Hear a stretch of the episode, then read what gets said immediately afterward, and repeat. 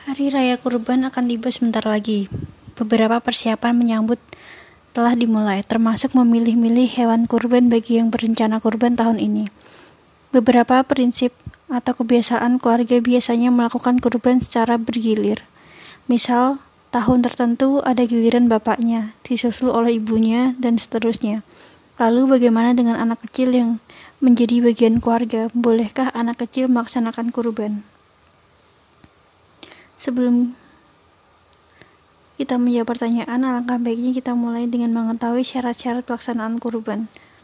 Syekh Wahbah Zuhaili dalam Al-Mausu'ah, Al-Fiqiyah, wa Al-Qadaya Al-Mu'asirah menyebutkan syarat-syarat bagi seorang yang hendak melaksanakan ibadah kurban. Yang pertama, tami. Tami fase manusia yang tandai dengan kemampuan membedakan hal yang baik dan buruk. Pada umumnya ia berusia 7 atau 8 tahun.